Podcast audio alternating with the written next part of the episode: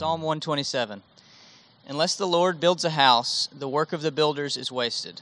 Unless the Lord protects a city, guarding it with sentries will do no good.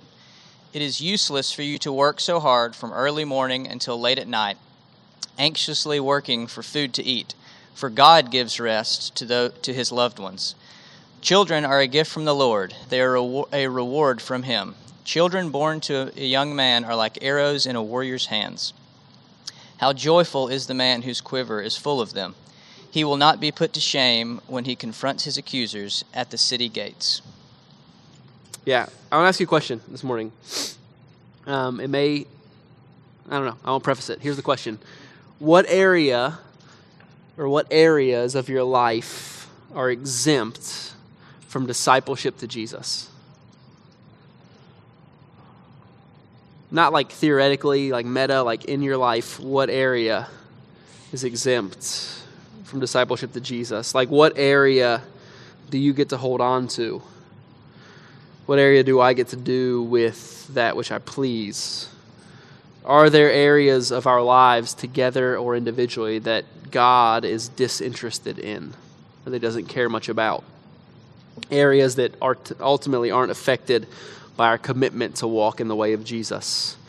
What area of your life is exempt from discipleship? I think those are the kind of questions, the practical sorts of questions that the Songs of Ascent that we've been together studying over the last couple of months and we'll study together until Easter. I think those are the kind of questions they ask us in a clever and wise and ancient sort of way.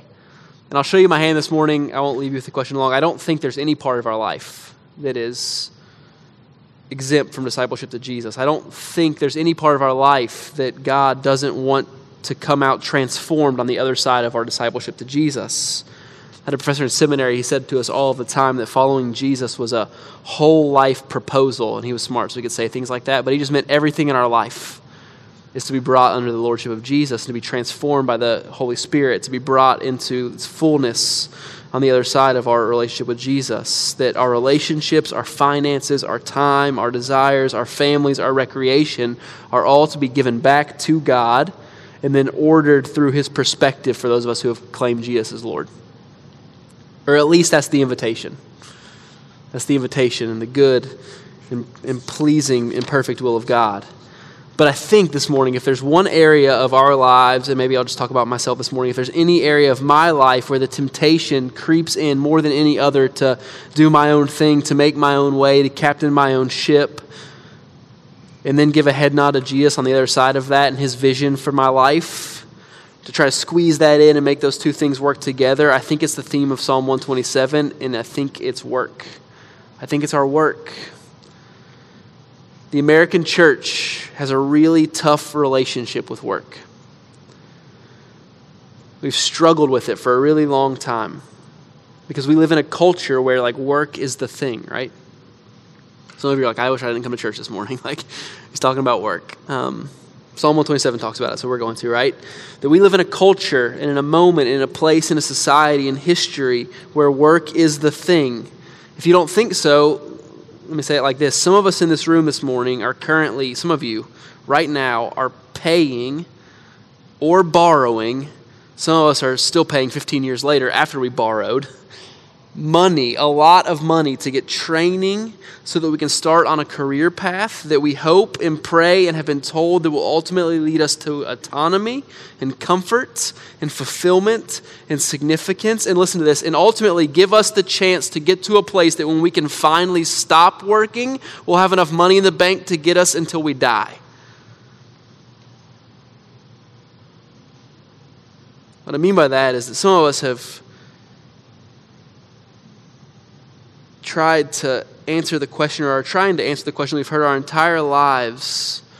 We first heard as kids the question, What will you be when you grow up? We've given our whole lives to answering that question as if it were the most important question. Others of us in this room are currently working two or three jobs to put food on the table and keep a roof over our heads. And I'm not demeaning that. I'm not saying that's like that's important like but that's where we some of us aren't in the first place. We're in that place. Or others of us are promising ourselves, even right now, as you hear me talking about this, that when the promotion comes, we'll work less. And we'll have more time for our families and the things that matter. And recreation and relaxation and all the things that we hold out for just a little bit further down the road.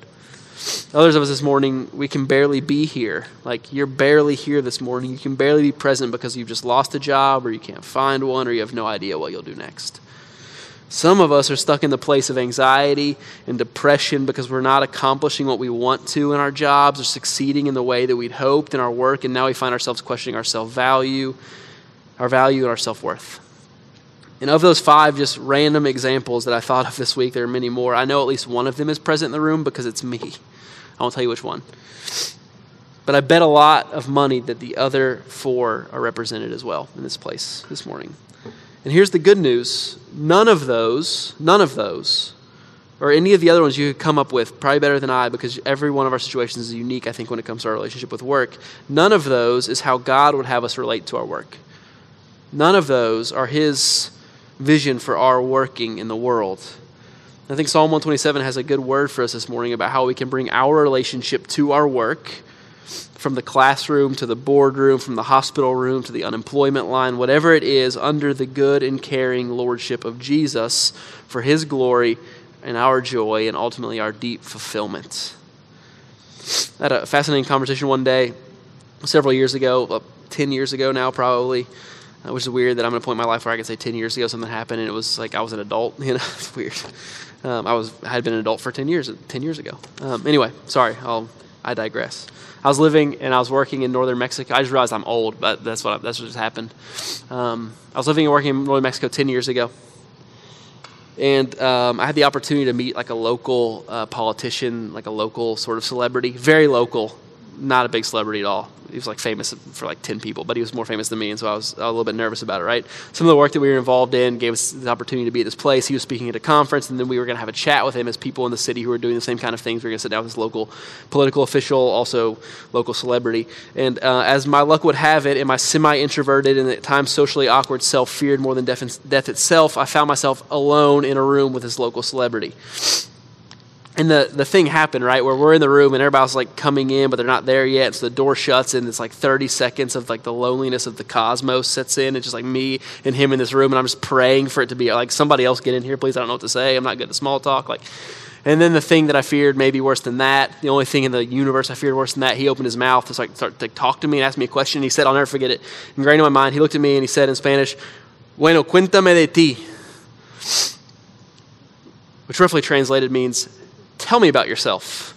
And I'm like, dude, thanks for narrowing it down. Like, you couldn't even ask, like, what I do, like, how long I've been here, where I'm from. Just like, you. Like, what is the most important thing you could tell me about in the next 30 seconds? Just tell me about yourself. Like, give it all to me. What, like, who are you? What do you, like, I'm like, man, this is, it's not Taylor Swift or LeBron James or Leonardo DiCaprio, but like, he was close to it. And I felt that intimidated. And I'm like, man, I don't know what to, like, who am I, right? Like, the, what's the most important thing I could tell you? And, I was thinking about last week. It's, it's one of those moments like if it's not going on like the top 10 list of moments in my life, it wasn't that important. But as I thought about it, I, I think those moments, at least that one, is really, really important for me, right? Like the moment when you can say anything about yourself You can say anything about yourself. What comes out of your mouth is the most important, the most central to your identity. What you think to be the most defining thing about yourself is actually a really important moment. You should pay attention to it. And so he asked me, Tell me about yourself. And if I had 500 words in an essay format or 20 minutes to think about, it would have sounded a lot different, right? Could have written out the question. I imagine what I, what I thought about, decide what to include, what not to include, think about who I wanted to be, who I was becoming, like all this meta sort of stuff, the, the trajectory of my life. But right now, in the moment, cuéntame de ti from a local, not famous, famous person is an invitation that will pull out of your heart the very truth of how you think about yourself, how you understand yourself, and where you find your ultimate value. Have you ever been in a moment like that? And I heard myself saying, as I said it out loud, Bueno, mi nombre es Mateo y trabajo para Baja Missions aquí en la ciudad. Never forget it. I said, Well, my name is Matt, and I, anybody who speaks Spanish? I work. I work for this organization here in the city. And he chuckled. And he said, That's not who you are, Matt. Was like, well, you don't know you. I just met you. Like, shut up. Like, I'm nervous. All right, I'm sweating. Like, somebody else get in the room. He said, that's not who you are. That's what you do. He said, now tell me who you are. And I don't know that he followed Jesus, but he could have written Psalm 127. And here's the whole point of teaching this morning. If you don't hear me say anything else, hear me say this. One of the great risks to humanity is to define ourselves in light of our work. And the invitation of Jesus in discipleship is to define our work, both vocationally and otherwise, in light of the identity that we've been given in Jesus. Do you hear the difference? And it sounds simple and it sounds however it sounds, but it's really difficult and it's crucial to discipleship, and he's really, really interested in it. In other words, our behavior flows from our identity, it doesn't earn an identity for us. Do you hear that this morning? And in the American South in 2022, you have to hear that the truest thing about you is not what you do for a living, or what you don't do for a living, or what you did for a living before you got fired, or what you want to do, but your grades aren't good enough to get you there. Do you hear me? It's really, really important. And when we get that right, because we get that right, we'll be able to understand and orient our work in the world for God's glory, for our joy, and the rescue and the redemption of all people. Some of us are like, how do we participate in mission? It's through the work that we do with our hands. You see, when we get that right, I think we can understand our work not as something that we do, but partnership with God in His good work. And when that happens, the divide between the sacred and the secular comes crashing down and all of our work becomes imbued. It doesn't become imbued with. We realize how it has been imbued with missional meaning from the very beginning because it flows from God's good work in the world. There's just a couple of questions that I, I want to ask us this morning, and then we'll be done. That that kind of came up out of the psalm for me as I read it and prayed through it this week. They're questions that I'm honestly wrestling with, and so I don't have an answer. I don't think, but uh, I think they're good questions to think about especially as we walk the path of the pilgrim, asking Jesus to shape him into the kind of people he's inviting us to be, as the Psalms of Ascent are. They're a shaping of our lives into the will and vision that Jesus has for our lives. The first question is this Does God value your work? And now some of you are angry at me. Does God value your work? Does he value it? And I think asking honest questions and answering honestly is an essential part of discipleship. Some of you, the more maybe masochistic of you, are instantly like, nope, God does not value my work. Now I have to quit. Thanks, Matt. I have to move to the mission field. I'm just a cog in a wheel in a system that I have no control over, a slave to the machine. It got really dark for you really quickly. Take a breath. Take a breath. It's okay. Take a deep breath. Some of you were instantly offended and you will never come back to church here. I, I pray that's not true, but if it is, we can please just let's talk about it before you leave. Also, take a breath. I'm not saying that God doesn't value. You. I'm not asking if God values. As a matter of fact, I know He does, and you need to know He does if you were offended by that question more than you could ever imagine. But the truth is, if I ask the question, Does God value your work, and you get offended by it, it might just belie the fact that your work has become your identity. And to question one means implicitly questioning the other. And if that's the case, I would just say Jesus wants to free you from that this morning.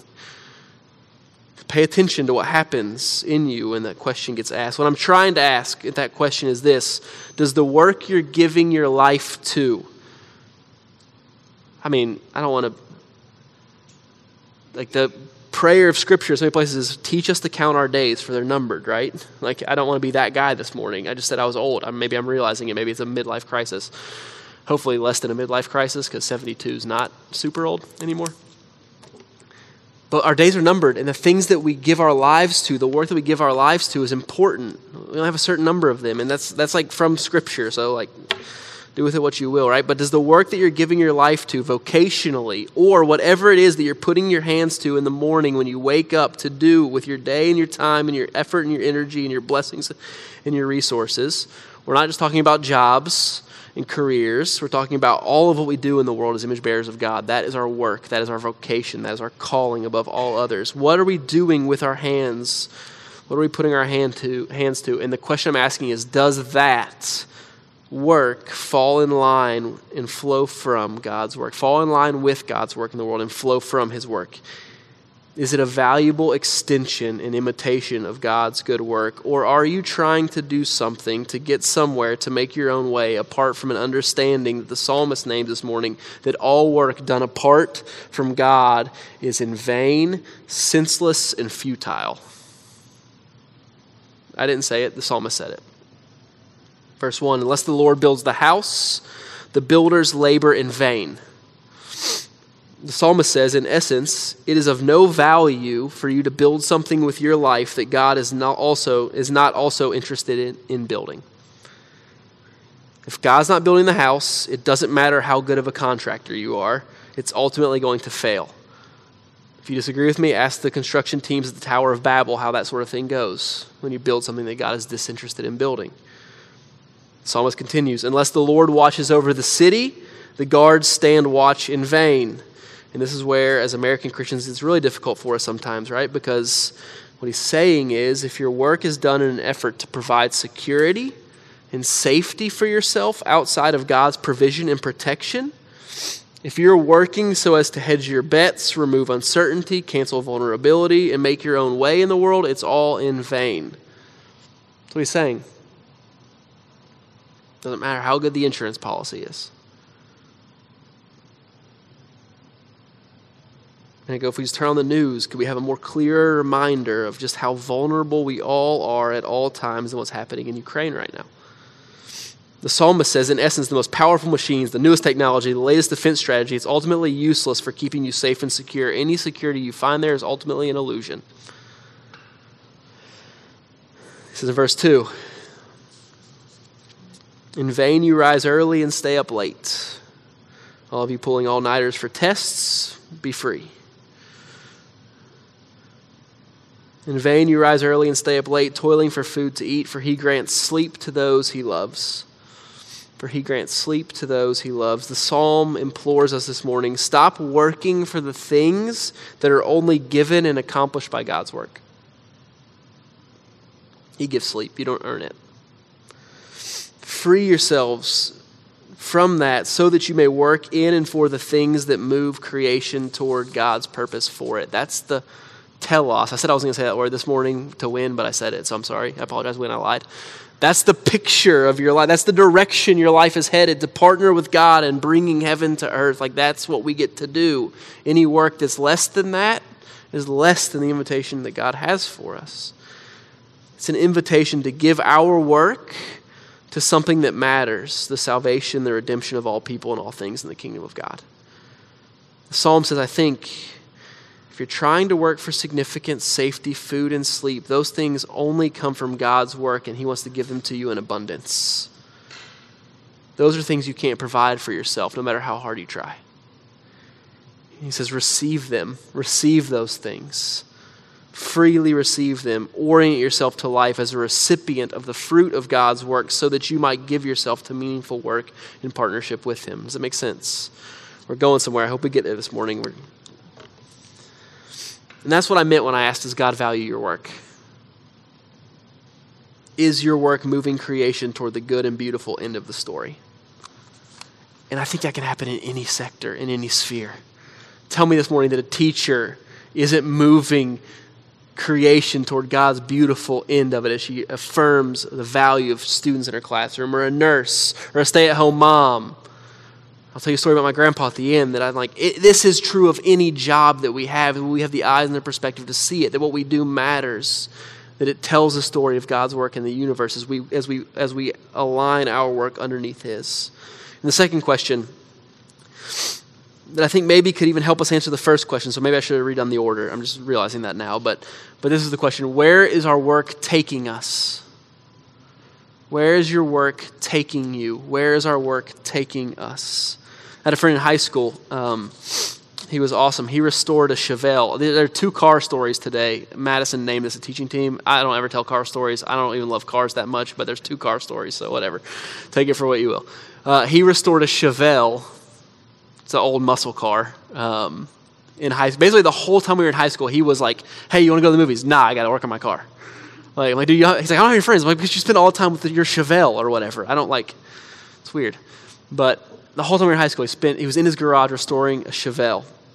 And it was amazing. Like he would come and he show pictures of it. It was beautiful. He'd been working on it for nearly, like I said, the entire time we were in high school. He painted it red, white racing stripes, if you're into that sort of thing. Meticulously restored the interior. Paid so much money for leather. Like, I couldn't even like. And the day came, and he invited me to his house. We were, we're seniors in high school, and he said, "Hey, it's it's ready. I want you to come see it." Like, "All right, I guess we'll." It's a big deal. And he opened the garage door. I was like not impressed by cars, and it was impressive. Shiny and beautiful and big and awesome. We looked all around it, right? Walked around it, like saw the interior. He had a rag in his hands every time I touched the car. He would like wipe it off. You know, I'm like, this is when you need to see a counselor about this thing. Um, he invited me to sit in it. I sat in the passenger seat. He sat in the driver's seat. He explained to me what all the gauges meant, all these things that he had done, all the aftermarket things that he had put on it. It was amazing. And I looked at him and I was like, all right, man. I grabbed the seatbelt, buckled it up. I said, let's go. I'm ready. Let's do it. I was fully prepared, like to die in a like just amazing, like go out just like in a blaze of glory because of how fast this thing looked. I was ready. Like I had reconciled. I like I was good. And he looked at me and he said, Oh, we haven't done the engine yet. I'm like, What? He's like, now it's going to take years. Like, I I don't really know how to do that. And I was like, Wait, what? And I thought about that story this week because I go, Man, is that our work? Is that my work? Giving our lives to careers and pursuits and hobbies and study that ultimately leaves us sitting in an empty shell of a car, albeit a beautiful one that has no ability, no power to get us really anywhere other than the garage that it's sitting in. Expending a lot of effort and energy and resources to build something that at the end of the day doesn't go anywhere. I've just been praying this week in my own work, like, God, may it not be that we get to the end of our lives realizing that we've been climbing a ladder that's been leaned, leaned against the wrong wall the entire time.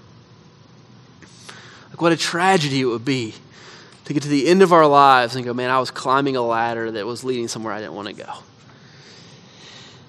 French philosopher, Nick's going to put this on the screen, Jacques Ellul, which is the coolest name. I'm probably not even saying it right, but it's awesome. Um, French philosopher, theologian. He writes this, this, this, and I think it's a modern day sort of interpretation of what the psalmist is inviting us to realize this morning and the truth of the moment we find ourselves in. So he writes this. He said, The first great fact which emerges from our civilization is that today everything has become means. There is no longer an end.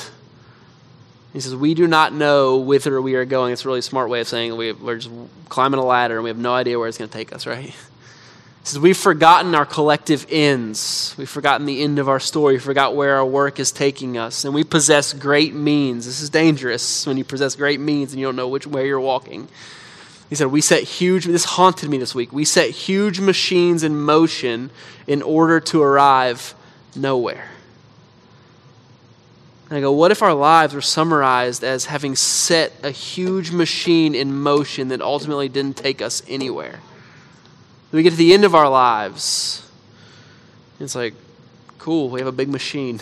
like, where we where we go? What did we do? What happened? And so the question where is our work taking us? Are we working to create big, impressive machines that ultimately, at the end of the day, take us nowhere? And as we end this morning, that's the question, right? It's the question that the psalmist like tries to answer in one of the weirdest ways I think it's ever ever happened in the Psalms that I've seen at least.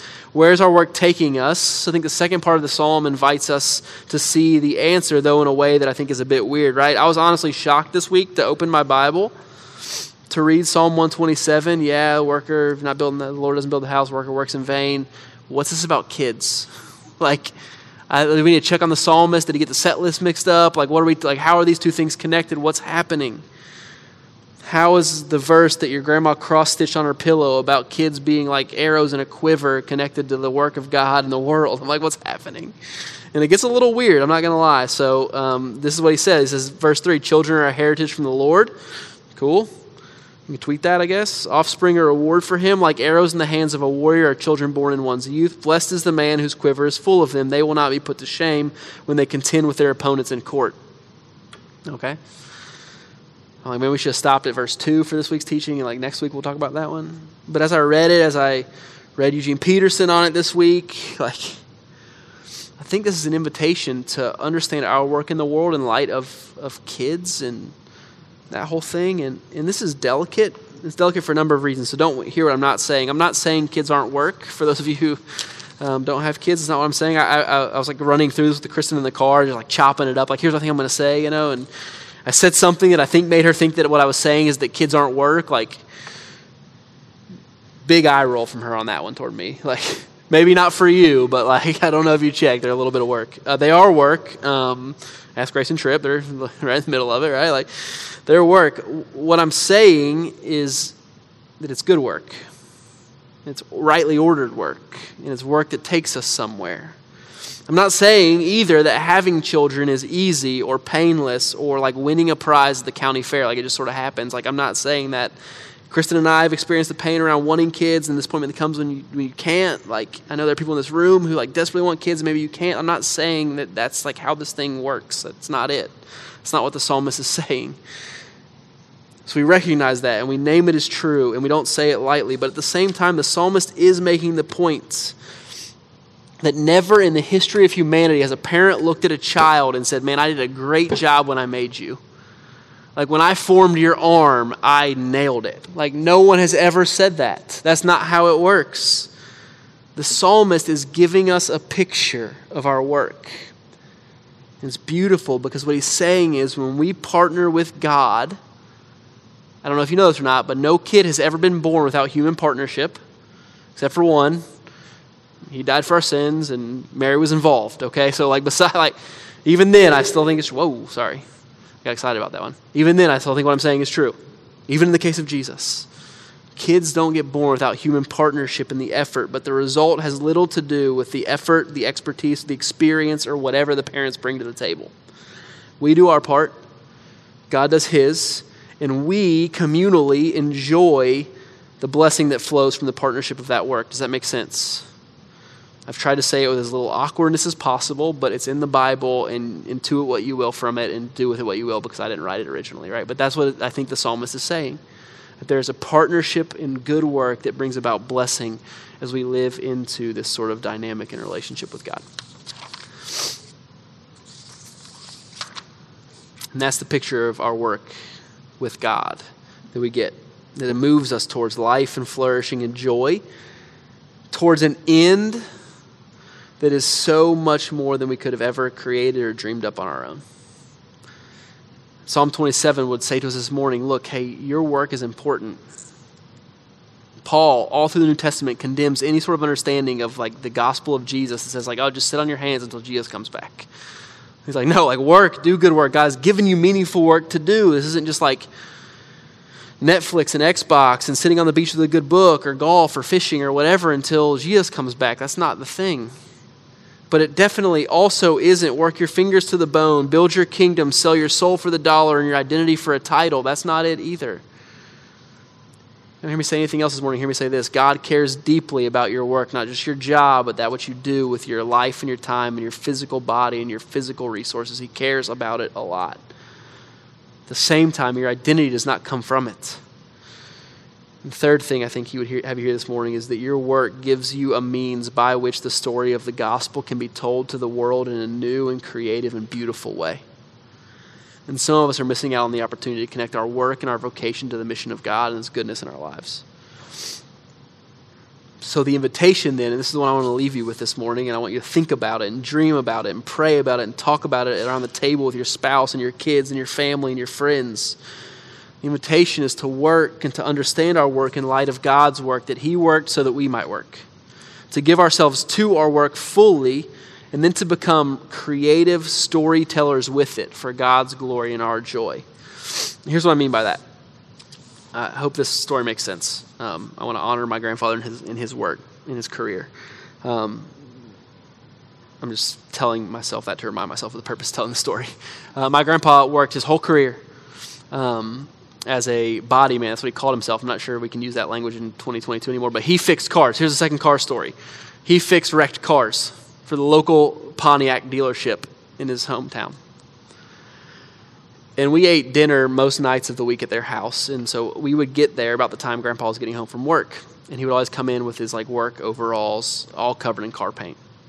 And I remember as a kid, like Ezra's age, crawling up in his lap, smelling the fumes of whatever he'd been painting. It's probably why the way I am the way that I am. Probably wasn't super healthy now that I think about it. Smelling like car paint. I like still smell it. Still like I can put myself there. I would crawl up in his lap and I would say, "Grandpa, what color cars did you paint today?" And he would literally look at his like clothes and he would say, "I painted a red one and a green one and a yellow one, a blue one." I thought it was fascinating. There's something about it as a kid that was fascinating to me about his work. And I talked about him with, you know, talked to him about that like as I grew up and and I asked him one time, I was like, Grandpa, like what what do you like about your job? I think I was like taking career orientation and like as a freshman in high school. So what do you like about your job? And he's like, Well, I guess my grandpa loves Jesus deeply. Um, he said, I guess I love that I get to take broken things. He was saying this to a young like kid and I get to fix them and put them back together and make them beautiful again. I'm sure he didn't say beautiful, um, but that's was the, that was the direction he was going, right? And you see what I'm saying? That there's a way of understanding his work from the outside. Oftentimes, as a kid, I would be like, it's like my grandpa's a CEO, you know? Like I'd be like, yeah, he like paints cars. There's so much dignity in that work. Because there's a way of seeing that work where it's like, hey, yeah, I mean, he has a good job and nine to five and he goes every day monday through friday and he paints cars and he gives money to the church and he's involved in like all this stuff. That's good but i'm like i think there's more on the table for us. And i go what would happen if we as people in discipleship to jesus began and, and became able to then like translate our work through the lens of the gospel? And we said hey my grandpa paints cars and that's cool. There's something about my five year old heart that was attracted to it because i think he took listen to me he took broken things he fixed them, He restored them, He redeemed them, He made them beautiful again. And I go, if you're new to the story of Jesus, that's it. like, that's the story of the gospel. And Jesus takes us and He restores us and He redeems us and He dotes over us and he spends time with us. And at the end of it, we look nothing like we did when we rolled in the garage, all busted and broken. And now there's this thing at the end that bears witness to the healing and restoration that we've experienced. Like that's the gospel. And if we can do it with a man's career who painted cars his whole life, I go, I think you could do it with your job. And that's the invitation, right? To see our work not just the thing that enables us to go on vacation or have nice things or pay for food or whatever it is. Like, what if we begin to see our work as an extenua- as a, an extension and a continuation of what God has done in our lives? That we get to we get to do those sorts of things. And we get to bring meaning and value to the world through our hands. And all of that, being able to do that, it, it allows the opportunity to see the echoes of the gospel that is true in all things, a way in which to understand our work is partnering with God, and it becomes a compelling invitation. Some of you have like wanted to talk to your friends at work about Jesus for a really long time, and you haven't found out how. And I go, what if you could creatively talk about your work in a way that bears witness to the work of Jesus? It becomes a compelling your work selling whatever, buying whatever, fixing whatever, teaching whatever, it becomes a compelling invitation into a bigger purpose for those who toil alongside of us. What I'm telling you this morning, you know, I think the songs of ascent are teaching us and teaching me is that so much about follow, so much of following Jesus is about our perspective on how we see things. That I'm not sure that Jesus this morning wants to give you a new career. He might. I don't know. It's between you and him and the Holy Spirit and discern it. But what I think Jesus is offering all of us is a bit of perspective, how we see it, how we understand things. And I think ultimately discipleship is an invitation to see and understand our work in the way that Jesus would have us. And so there's a couple questions. Those questions we talked about this morning, I want to invite you into as we take communion together. The first question, maybe talk about with friends, family. If you want to talk to somebody, we'll be minimum at the respond banner. We'd love to talk to you about it. Um, does God value your work? And what I mean by that is how is your work moving creation towards God's good future? And don't self select out and say, well, mine doesn't. I just sell insurance. It's not true. It's not true. How does your work, how is there potential in your work to find the value that God has given it based upon His good work in the world? Be creative, dream, have fun. This is exciting sort of stuff. And then the question ultimately that I want you to wrestle with, and I'm going to wrestle with, is where is your work taking you? Where's it taking you? Maybe this is your job. Maybe it's everything else about your life. Like, I, I don't want to say, like, I think probably there are certain sectors that God's like, man, maybe don't get a job there. I, you know, I don't. But I think for the majority of us, it's like, where is our work taking us? How are we relating to our work? And how is it either furthering? Eugene Peterson says that our greatest strengths and our greatest sins are oftentimes connected. I'm paraphrasing this, it just came to me. Are oftentimes connected to our work and reveal themselves in our work. Our greatest strengths our greatest weaknesses, our greatest sins and our greatest successes are oftentimes magnified in our work. Where's our work taking us? Where's our work taking us? Let me pray for us and we'll create some time to talk about those things. God, we love you. And yes, we do. We, we, we believe there's no part of our life that you don't want to bring transformation in. And I know when we talk about something like work, God, that it, it gets really difficult and complicated for us because there's so many narratives in our cultural moment about it, about the value we receive from our work, about the way we think about our own value and our ability to do our work.